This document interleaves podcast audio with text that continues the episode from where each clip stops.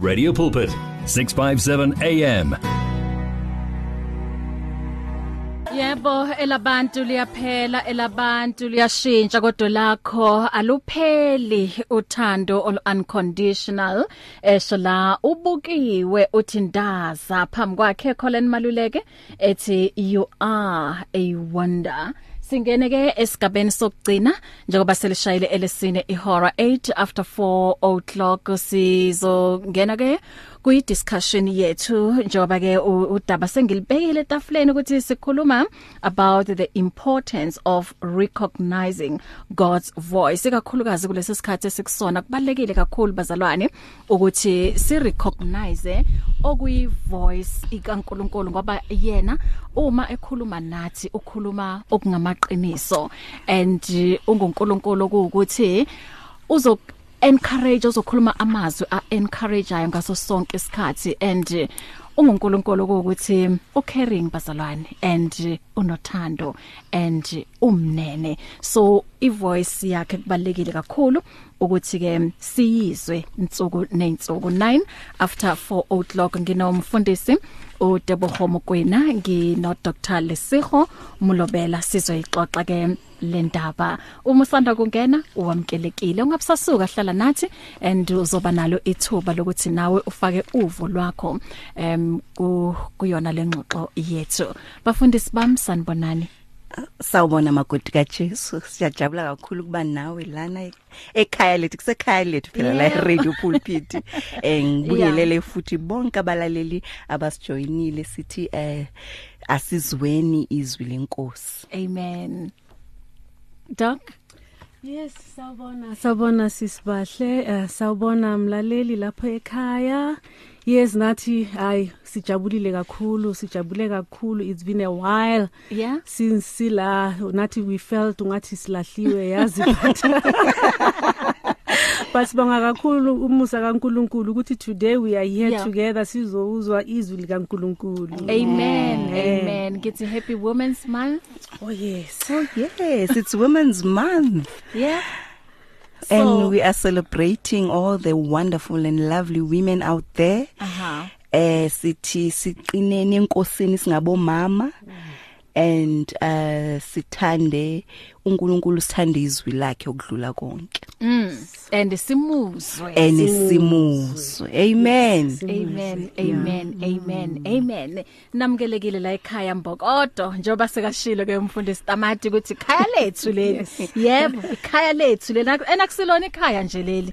Ikhaya eli uyazi elinomfutho. Yes. uyazi mongenile kuleli khaya uyazi ukuthi Elishisa. yebo ukuthi ungene emndenini ophilayo. Amen. Emndenini okhuluma amazwi aphilayo futhi aphilisayo Oh, yeah. Amen. ngoba a- ayikho enye language esikhulumayo futhi ayikho enye language esiyaziyo Yes. sazi nje le language esithola um ezweni ezwini ezwini likaNkuluNkulu Amen. amen Yes. sis amen so namuhla ngoba u- u- uyabona ukuthi kunjani kwamanje ezweni and kunama voices abaningi okuwukuthi nje em siyawezwa namhlanje uzwa lokho kusasa uzwa lokho bese ke sigcina silahlekelwa ukuthi si recognize okuyi voice kaNkuluNkulu.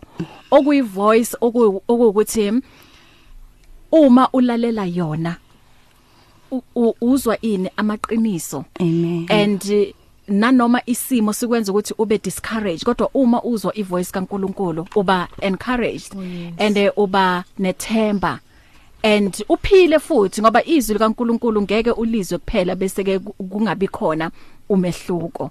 So indaba yethu ilapho ke. Let us unpack it bazalwane. Sizwa kanjani ivoice kaNkuluNkulu?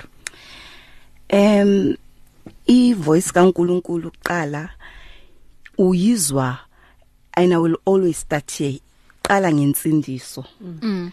because God is a spirit and those who worship him must worship him in spirit and in truth. Amen. Eh uNkulunkulu ukhuluma nathi ngezwi lakhe. Mase usindisiwe i mean ngespirit sakhe. Born again in the spirit that's how you are, we are able to connect with him and to hear his voice properly ngokweqiniso. Not lamanye ama voice anga angaphandle. So umuntu ozwa kahle from the creator of heaven and earth uNkulunkulu uqobo like is a person who is born again. Born of the spirit born of the holy spirit who has the indwelling of the holy spirit in him. Umoya ngcwele ohleli phakathi kwayo uyena ke umuntu okwaziyo ukuzwa izwi lenkosi loyo. So it is very important as women as sisonke ukuthi si khumbule ukuthi we need to be born again number 1 mm. leyo yona i cannot stop emphasizing uzwa kahle izwi likaNkuluNkulu when you are born of the spirit when you have the indwelling of the holy spirit with within you and that's when you are able to recognize God's voice nobe khona ama voice emaningi ngaphandle mm. external voices but if you have the indwelling of the holy spirit within you ngilo lelo lizwe ekumele ukwazi ukulilalela all the time. So sizothatha i reading yethu lana from uh, John 10 ngicela u Dr Lisiho asifundele. Okay sizofunda from verse 1 up until verse 5 and it says truly truly I say to you he who does not enter the sheepfold by the door but climbs in by another way that man is a thief and a robber. But he who enters by the door is the shepherd of the sheep. To him the gatekeepers open. The sheep hear his voice, and he calls his own sheep by name and leads them out. When he has brought out all his own, he goes before them, and the sheep follow him, for they know his voice. And verse 5 says, A stranger they will not follow, but they will flee from him, for they do, for they do not know the voice of strangers. Amen. Mm. Umuntu okhulumayo la uJesu the good shepherd, he says he is the good shepherd. shepherd mm-hmm. and ngizo emphasize lapha from u voiced u verse 3 where he says the sheep esho thina abantu mm. abasindisiwe mm. that have the spirit of God living in us inside of us hear his voice and he calls his own by name mm. and leads them out of all the other voices the external voices mm. be it uh, fear be it uh, depression iworry anxiety eh uqoshiwe emsebenzini mm. a loved one has passed on lawo ma voice lawo mm. yebo akhona but the good shepherd uJesu is able to silence them when you follow him mm. Mm. do you want to add on that mfundisi okay yes mina bengithi um for you to hear or to be able to hear izwi likaNkulunkulu or his voice ne you need to know his word amen because mm. If ungazi izwi likaNkulunkulu how yeah. will you know his voice? Amen. Mm. you because you need to know his word first then you will know his his voice. And then you need to study izwi likaNkulunkulu because kulapho a, a reveal khona his character he reveals himself in his holy scriptures. Mm. uNkulunkulu uyazi reveala ezwini lakhe. So yes it's good you can be born again. Yes. but if ungafundi izwi likaNkulunkulu you will never be able to recognize izwi lakhe amen you know kufana nama relationships eh, mfundisi uh, uh, nawe sisibahle ne mm. um if ungena ku a relationship nomuntu ne mm. for you to be able to know that person or to know the voice of that person mm. and the character of that person you interact nalomuntu loyo nihlala ni, ni communicate yeah. yaso sonke isikhathi so the same applies to us if sifuna ukwazi uNkulunkulu and to know his character and to know his voice we need to stay constantly in contact with him we need to have fellowship with him sixhumane naye ngaso sonke isikhathi you know because mm. if kungaba nesikhathi whereby we we we lose touch noNkulunkulu you won't be able to identify i voice yakhe mm. amen mm. amen qinisile kakhulu umfundisi lisiho lapho the word of God because yeah. God and his word are one mm. uthini John 1, John 1 1 in the beginning was the word and the, the word was God and the word was God mm. so ukwazi izwi likaNkuluNkulu mm. is very important is, yes uzazele wena ungezwa bethi yeah mm, mm. it is our responsibility ukuzifundela ul pick up le bible uzifundele wena and when you are reading it ask God to reveal some of the hidden things mm. that are in his word ube mm. ne revelation because there's a logos it's the uh, word that you are reading nje mawufunda nje but mm. also there is a rema word Yes. which is i revelation divine revelation from mm. God mm. ozothi mawufunda ubone izinto omunye umuntu ongeke bekazibona nje uNkulunkulu akwambulele the deep and hidden things ngezwi lakhe Yes, and ngithanda uh, the scripture that we read ne ithi uh, uh, verse 5 in mm. particular ithi you know my sheep knows my voice that is from verse 4 but then ithi the str- the stranger they will free they will flee from a stranger bazobalega mm. from the voice of a stranger Amen. but kubhlungu ngoba namhlanje sinabantu abaningi that they cannot uh, uh, um differentiate the voice i, voice kaNkuluNkulu and a voice of the stranger of which some of the voices umfundisi kakhulumile nge depression nani nani nani but abantu instead bagijimela Mm. to that voice of a stranger. Le uJesu Christ akhuluma ngayo ukuthi my sheep knows my voice mm. and bazobaleka. So so if you are you are not a sheep kaJesu Christ you don't know i voice yakhe. Uzogijimela ku this voice. Le umele uyibalekele kahle hle.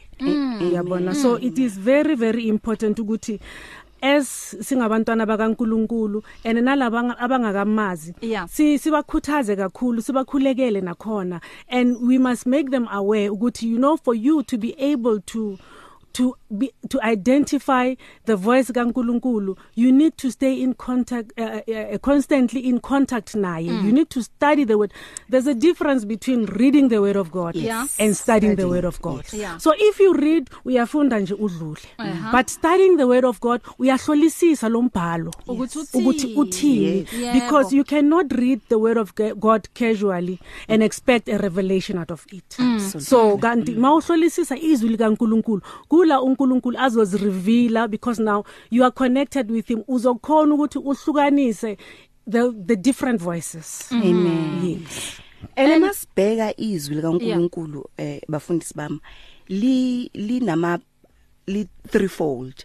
Mm. in the word of God you get um number 1 his promises. Gcwele ama promises kaNkuluNkulu in the word of God.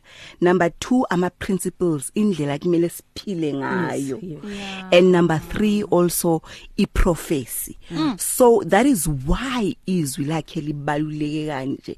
And izwi lakhe lisinceda ukuthi sizwe and be able to recognize his voice. Mm, mm, mm. Yebo njengoba ke uDr Lisehweshilo ukuthi um i- u- ukuthi izwi liyasho ku- John 10 10, eh, 27 yes ukuthi my sheep hear my voice. And mfundisi uyiqale kahle le ndaba ukuthi kumele uzalwe kabusha.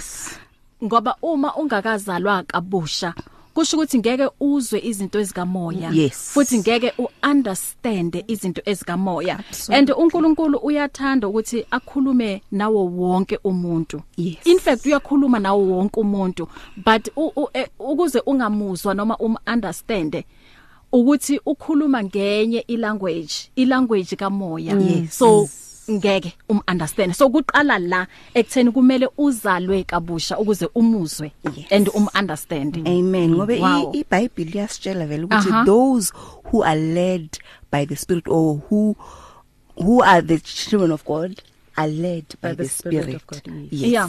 Mhm. yes unga add lapho mfundisi Okay. yes.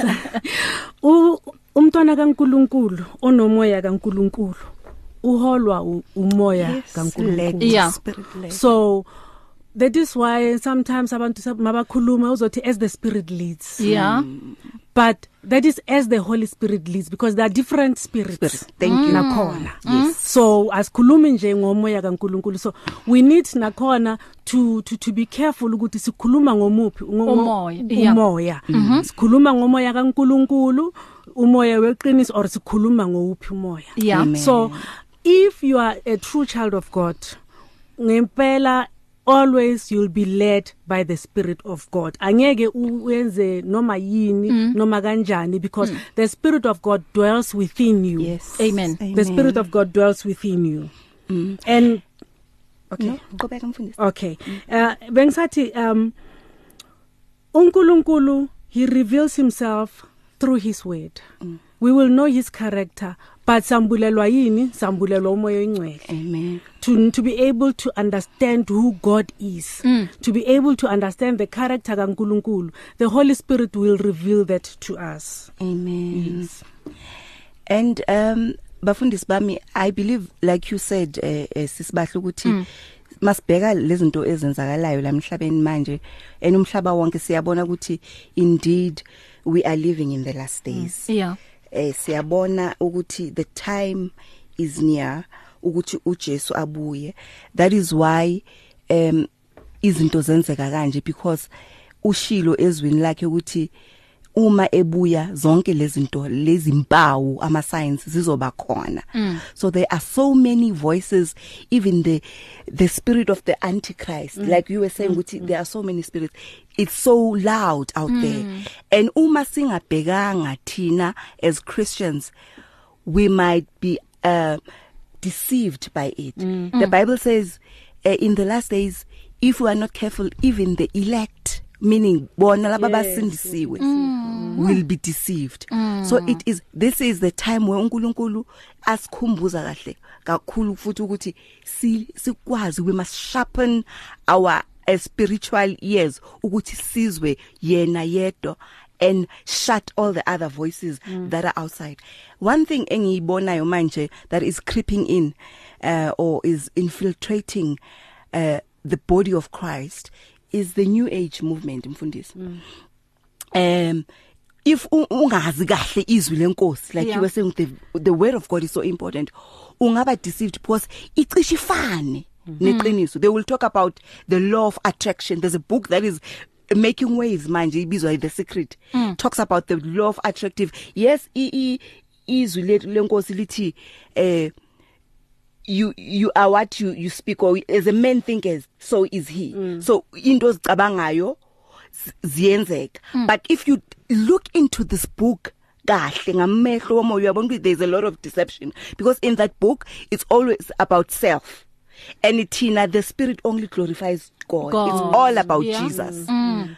lena in this book khona uzobona there are some so called pastors and so but if you look at into it kahle and zoom in, into it with the eye of the spirit uyabona ukuthi no this is not it it's deception it's a form of godliness but denying the actual power of Christ mm. so right now what i was saying is that we see that yes the antichrist spirit is is is, moving mm. but however thina bantwana bakaNkuluNkulu the true living god the creator of heaven and earth jesus Christ himself mele sikwazi ukuthi si recognize his voice and not follow the voice of the stranger. Amen. Um m- mhlambe mfundisi omunye uzothi uyazi i've been praying. Ngi ngi- ngimcela uNkulunkulu ukuthi angiguide kune decision ekumele ngiyithathe and it's been weeks it's been days months years. Kodwa angimuzi uNkulunkulu angamuzwa. And nempendulo angakayitholi. So iziphi indlela okuwukuthi mhlambe angazi zikhona okumele sisebenzise ukuze sibe simuzwe uNkulunkulu and sibe nesiqiniseko ukuthi mhlambe if ku- kukhona into ebonakalayo or mhlambe ngivula nje iscripture and then singinikeza indaba ethizeni. Angithi abanye banokuthi okay uNkulunkulu yes uNkulunkulu uyakhuluma nathi ngezwe ngithi. Mm. and then umuntu athi mina ngivele nje ngivule iBhayibheli. Nginga nginga ngingafuni a certain scripture. Ngivule iBhayibheli yes. Bese ngizwa uNkulunkulu athi so so so. Ngabe iyona enye indlela mhlawumbe uNkulunkulu eh, akhuluma nathi ngayo o ap- asiphendula ngayo eh, kwezinye izinto mhlawumbe sidinga impendulo kuzo? Okay um uNkulunkulu ukhuluma nathi he always speak to us mm. and akakhathali ukukhuluma nathi yeah wangisho kanjalo mawufunda ku 1 Samuel chapter 3 verse 9 kula uSamuel lithi izwi likaNkuluNkulu uSamuel beka noEli ngaleso sikhathi umpriest mm. uEli but then u- uSamuel njengoba the Bible says he he was lying down mm. so uzwa izwi limbiza ne Mm. so uSamuel uya uya uyasabela kuEli uya kuye athi uyangibiza uEli athi no angikubizanga. Aha athi no hamba uyolala ahamba yolala for the second time. Awuzwe the very same voice imbiza ne? Aphinde abuye futhi uEli athi no angikubizanga. For the third time makabuyela kuye athi ungibizile. Manje kula ubona umehluko khona mm. between a person who has a relationship noNkulunkulu a person who knows who God is mm. a person who knows the character of God nomuntu ongamazi uNkulunkulu sibona la for the third time uEli uya recognize ukuthi okay then that means uNkulunkulu okubizayo athi ku ku ku Samuel mase uzwa this voice likubiza futhi for the for the fourth time ngoba usa uEli knows ukuthi uNkulunkulu uyakubiza akubize akakhathali ukukubiza. Yes. so athi kuye wena just say uh, uh, speak lord your servant is listening. Yabona? So it shows ukuthi ngoba izwi likaNkulunkulu mawufunda further it says uSamuel did bangakazi uNkulunkulu in that way. He knew uNkulunkulu but bangaka like it's like banga angakabi with that connection noNkulunkulu mm. hence ngithi we need to stay connected to God because manje uNkulunkulu uphinde wabuya futhi for the fourth time ene makambiza wasabela kula uNkulunkulu ke amnikeza umlayezo concerning uEli and his family and the rebelliousness of abantwana bakhe. But lapho bengikhulumelana ekutheni uNkulunkulu uyakhuluma sometimes we, thina we fail to hear ukuthi uye ukhuluma nathi sometimes uNkulunkulu ukhuluma nathi but because of the the, the noises or the other voices we we, we asimuzwa uNkulunkulu. Ene nakhona kukhona isikhathi sokuthi ucele kuNkulunkulu ukhuleke ufunde izwi lakhe. But then nakhona bese uyamlalela. Ngoba sometimes uNkulunkulu uyakuphendula bahle uyakhuluma ucela uNkulunkulu baba ngicela into esoso esoso esoso. uNkulunkulu akukhulume nenhliziyo yakho ngomoya wakhe. Umoya kaNkulunkulu ukhulume nomoya wakho mm. through your spirit. Mm. ukuthi bahle okay I, i don't promote angifuni ukuthi kube as if manje ngizopromote indaba ye giving manje yeah. but i'm just making an example mm -hmm. ukuthi uNkulunkulu athi bahle phisana ngento so so so mm. ne wena that's not the answer that you want from uNkulunkulu. Wena Yeah. you want an answer yalento uyifunayo yeah. Kanti uNkulunkulu he knows ukuthi wena if you obey him then he will release a blessing. And nakhona i release something better than what you were thinking. So uyakhuluma nathi uNkulunkulu. The only thing is most of the times asimuzwa. Hayi ukuthi akakhulumi. Yeah. Uyakhuluma thina we fail to hear him. Thina sizowuzwa whatever we hear we, si, esizwayo or mhlambe sithi akakhulumi.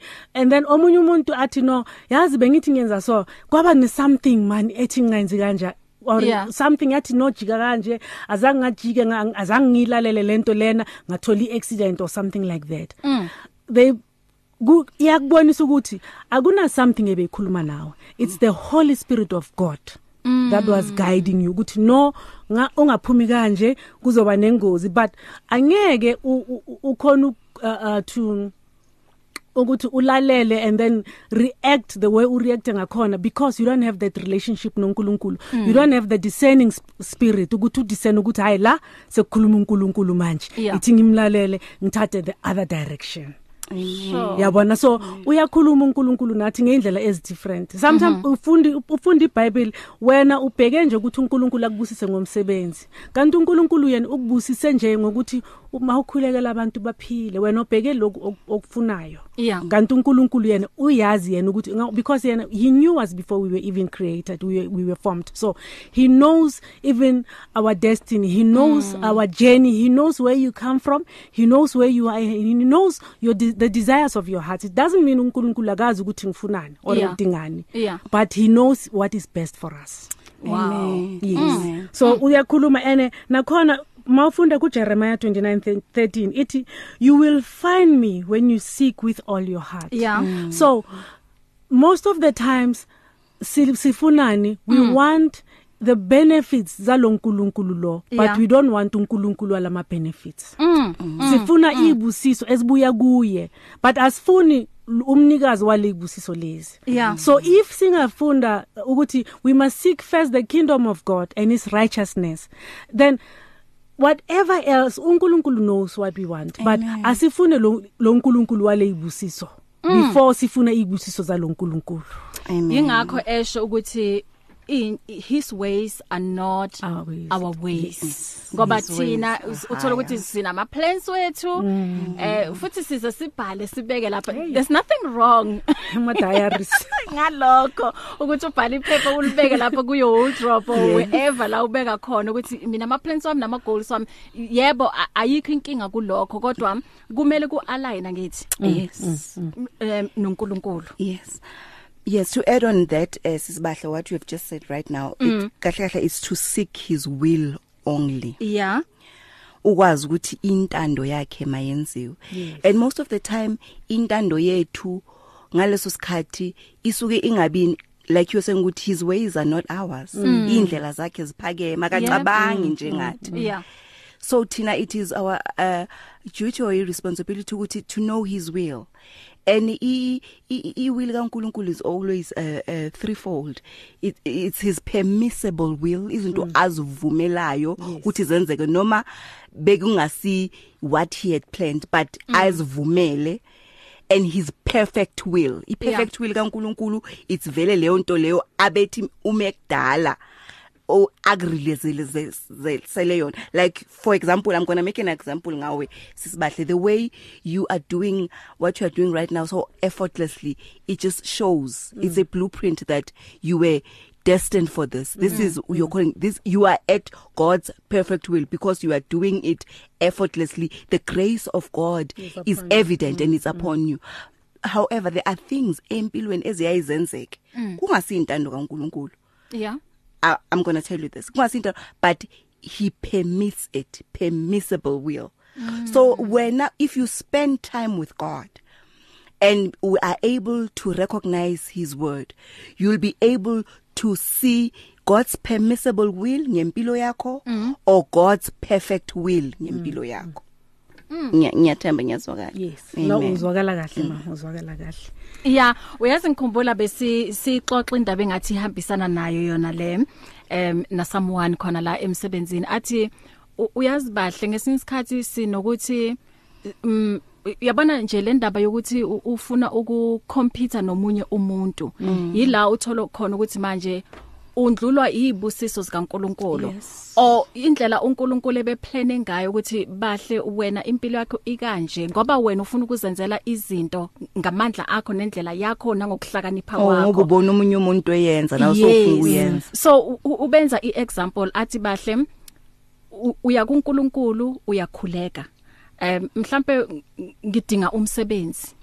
And then ngiyamcela uNkulunkulu umsebenzi mhlambe ngiya ang- angithi kumele sibe specific Yes. ukuthi Yes. yebo eDurban ngifuna umsebenzi eDurban and ngifuna endaweni ekanje ekanje kodwa ngoba uNkulunkulu yena wazi kangcono kunathi Yes. bese athi hayi bahle wena wena ozodala umsebenzi bese ke athi yenza ibusiness nansi ibusiness ngikunikeza yona phela mone business and then isebenza isebenza kahle kuumsebenzi Mm kuwena. mm. owami but siba ngesinsikhathi u- uba disappointed or mhlambe ngicomputer nawe em em em mfundisi ukuthi okay ngoba uTebogo sebenza e10 and then nami ngifuna ukusebenza endaweni ephakeme efana naye so Kanti it's not God's will. it, it is now. not God's mm. will yes so I think into ebalekile la ukuthi sibe s- s- sanele sa- sibe nokwaneliseka ngalokho esinakho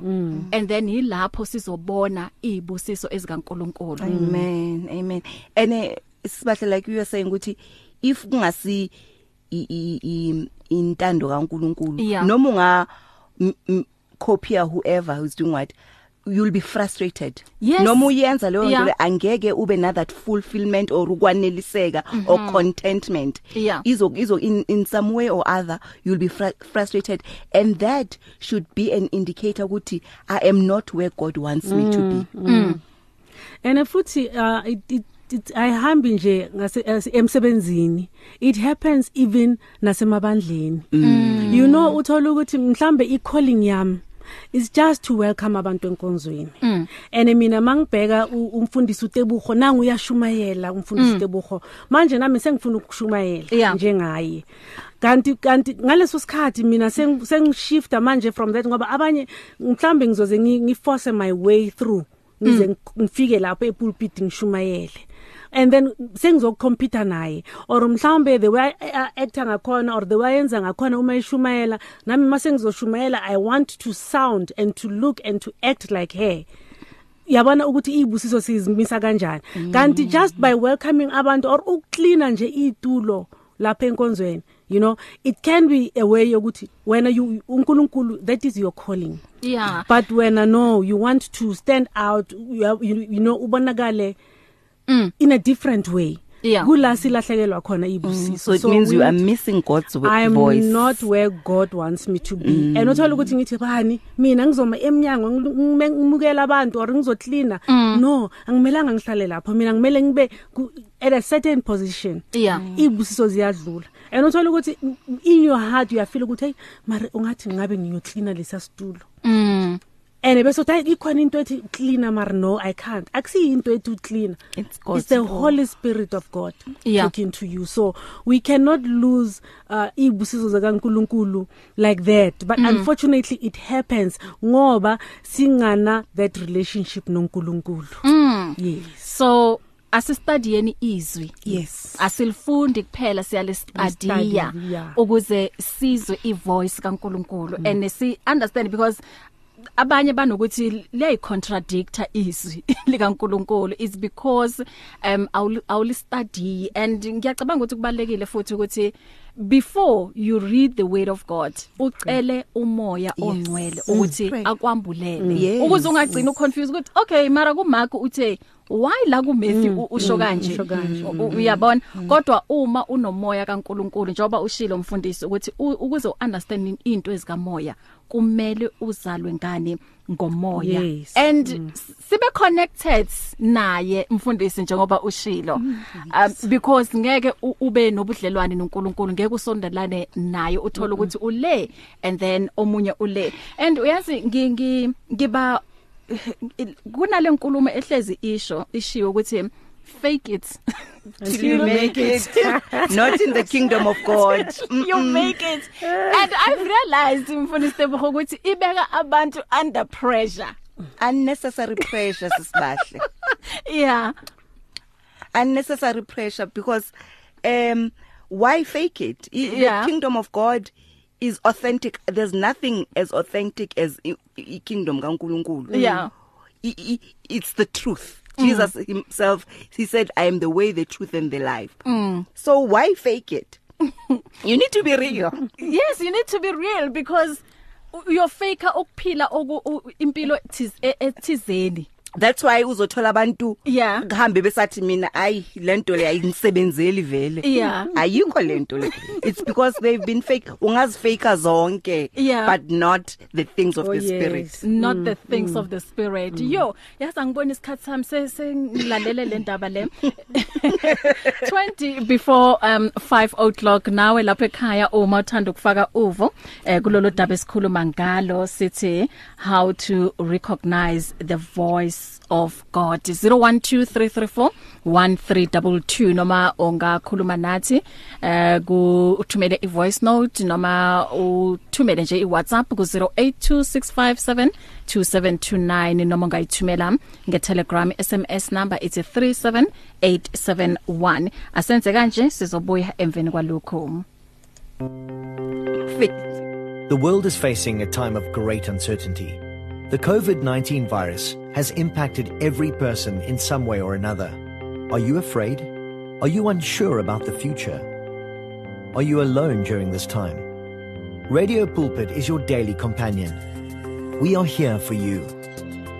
Tune in to Radio Pulpit on 657 AM. Listen to us on our app or web. Tune in to DSTV channel 882 or OpenView channel 607 for a message of hope. You can reduce your chances of being infected or spreading the COVID-19 virus. Regularly and thoroughly clean your hands with an alcohol-based hand rub or wash them with soap and water for at least 20 seconds. Maintain at least one meter distance between yourself and people. Avoid touching your eyes, nose, and mouth. Make sure you cover your mouth and nose with your bent elbow or tissue when you cough or sneeze. Stay home if you feel unwell. If you have a fever, cough, or difficulty breathing, seek medical attention. Do not greet each other by hand. Rather use the elbow shake. Keep up to date on the latest COVID 19 hotspots, cities, or local areas where the virus is spreading widely. If possible, avoid traveling, especially if you are an older person or have diabetes, heart, or lung disease. In the end, we know God is much bigger than any virus, and we trust in Him.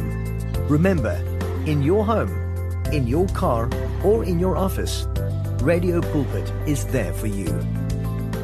Get in touch with the truth, the light, and the life. 657 AM. Are you a business owner wanting to support the spreading of the gospel? Our unique listenership will provide your business with a competitive advantage. We can tailor make a package to suit your needs that will impact our listeners. I'm Nelia van der Westhuizen. I've been with Radio Pulpit for more than 20 years and I can help you get your business on air.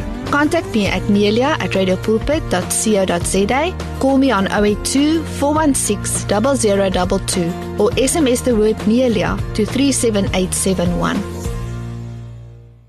0123341322 uma ke nawe uthanda ukufaka uvo lwakho kulolu daba esilixoxayo namuhla.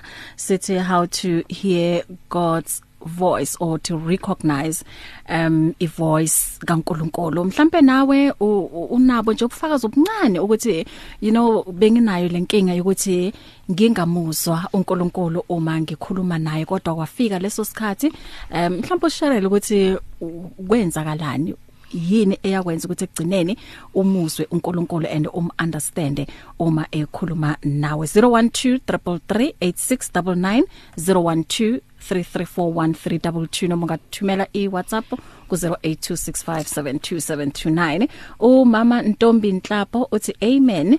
Um study the word of God. Uthi uyacela simkhulekele eh ekutheni naye akwazi ukulistudy izwi likaNkuluNkulu and ali understand him and then lana ke uthi umlaleli uyabuza uthi good afternoon sister Bahle and the family of Radio Pulpit. Uti maybe this question would be obvious to some of the people, but can I have a clarity please? Can um, the pastors explain the difference between reading and studying the word? Okay. Like I said earlier, ne, um the word of God uh, there's a logo small funda nje right through. Mm. and there's a rhema word. Rhema word is the revelation. And the revelation you get it when um you you sink deep into it. Uthinu u Joshua 1:8 this book of the law. Uh, let me read that. Yeah. uthi Joshua 1:8 this book of the law shall not depart out of your mouth but you shall meditate therein day and night. And you you might so that you might observe and do according to all that is written in it. So meditating on the word. And the holy spirit is faithful. When he sees that hunger when you are pushing through and and wanting to he, it, he, the holy spirit responds to the hunger. Mm -hmm. so sometimes i think thina sibona ngathi uNkulunkulu akasizwa kahle because there is no hunger. For his word but when you study it like uJoshua 1:8 asho meditate upon it day in and night mm -hmm. the Holy Spirit is faithful and he is with us to help us. He is the helper. He will definitely guide us and show us what mm. to do. Mm. And we will be able to recognize his voice when we spend time with him. Early in the morning before le misindo eminingi, mina I always do that. Mm. Before yonke le misindo iqala early in the even the psalmist David said he said early in the morning do I seek him. Mm -hmm. So it also goes with the hunger yakho muntu ukuthi how hungry are you for the word of God and for you to hear the voice of God and then when the Holy Spirit senses and sees that hunger and and determination and discipline hayi nje kube ne consistency mm. he will respond he is faithful amen Yes, because that brings you back to a relationship noNkulunkulu. Amen. You know, um if uzokhuluma noNkulunkulu casually Mhm. noma akuphendula you won't even hear ukuthi uyakuphendula Ngoba You won't awun- recall- awusazi. because anazani Thank you. Ana, an, anazani well yena uyakwazi kodwa wena Wena umazi umazi. so uye- wena uyakuzwa mawukhuluma naye mawumcela uyakuzwa but wena noma sekakuphendula awumuzwa thola ukuthi kade uNkulunkulu akuphendula. Wena you are still praying for the very same thing la le akuphendule ngayo. So it goes back to having that close that intimate relationship noNkulunkulu. Amen. Yes. So reading and and studying i think reading m- mfundisi njoba bowuchaza uyafunda but awufundeli ukuthi understand uunderstand yes Yeah. irema irevelation mm. yes and then uma ustudy yakusho ukuthi u- uyajula You go deep. kulona Yes. wakwabona like mo study for ama exam wakho sobe ubeka ama notepads Exactly. ubeke ama calculator if i- mathematics ubeke yonke lento and then u- uzo uzo practice or uzobhala ama notes ukuthi okay kunegama engilitholile la angili understand. Uyothatha i dictionary ngithi Yes, then you ufuna con- uku- u- cross-reference. yes cross ul- reference. Aha. Go to amanye translations ubheke uNIV uthini Yes. uKing James uthini news good news. Uyayibona? It's the hunger izokudrive ukuthi wenze kanjalo. And when god sees that yeah. He will definitely speak with you and you will mm -hmm. hear his voice. You'll be able to recognize his voice. Wow. Um 012 um 3341322 zivuliwe incingo njoba ngishilo ukuthi mhlawumbe une testimony encane ukuthi bonayo inkinga ukuthi uNkulunkulu u- u- uyakhuluma nawe kodwa awuyizwa ivoice yakho. Kodwa ekugcineni um wenzeka lokho ukuthi manje uqale umuzwe. Ithi silalele la ivoice note iphuma lapha ku Khalimambo hey bafikile Khalimambo abafundisi bakho. Ba- bafikile. Bengisamangele ukuthi Hey, nami sizomuzwa ngiyazi ukuthi, nini hawu, ubaba usilahlile yawo la. bengithi usilahlile ubaba ukhalimambo.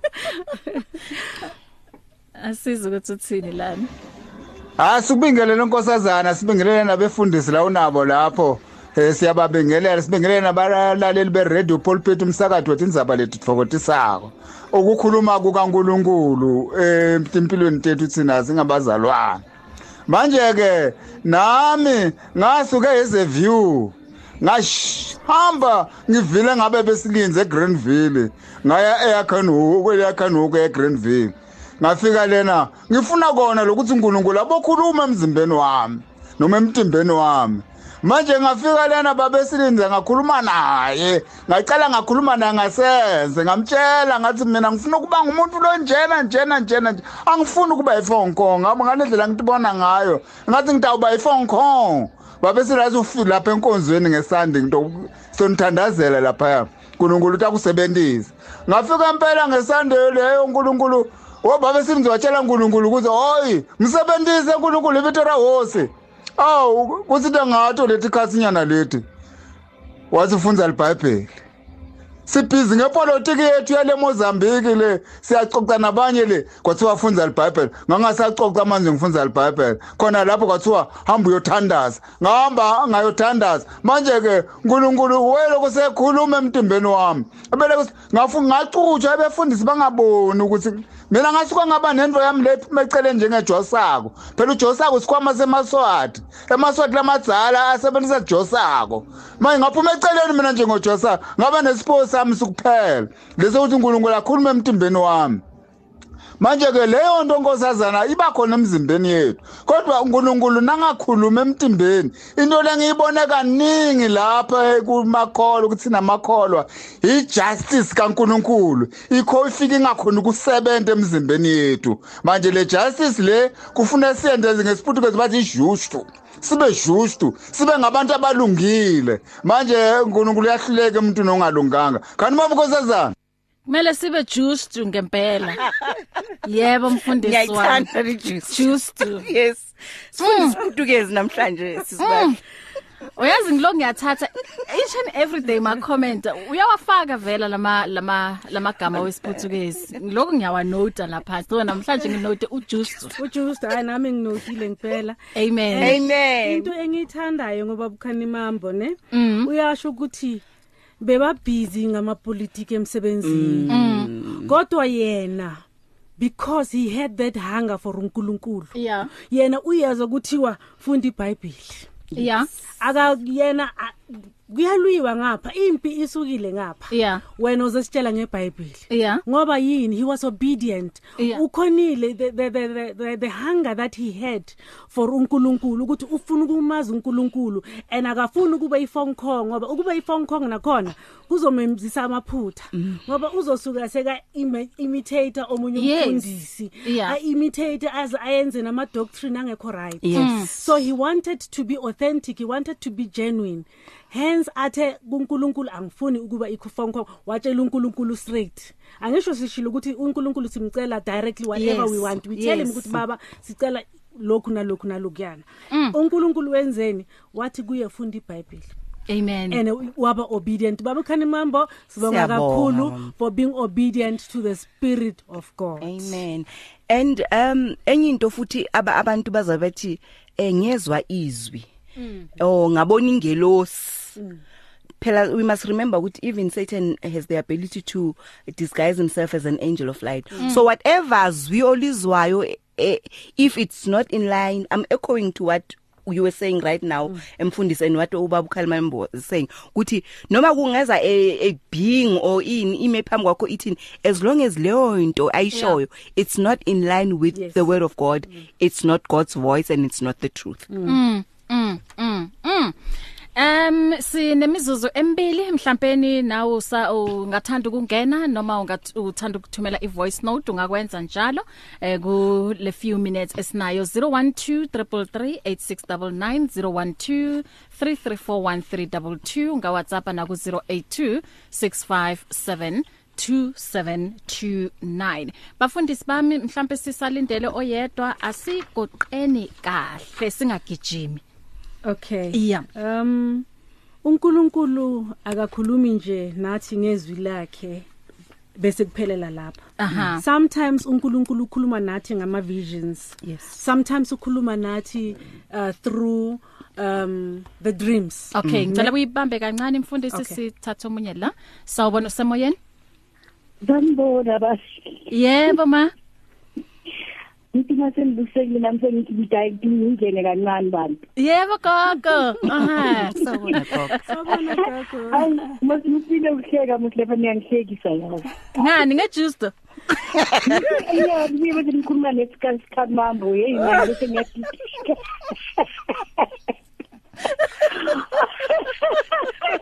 Uthi kwenza kahle ukuthi indimi phela ihlangana.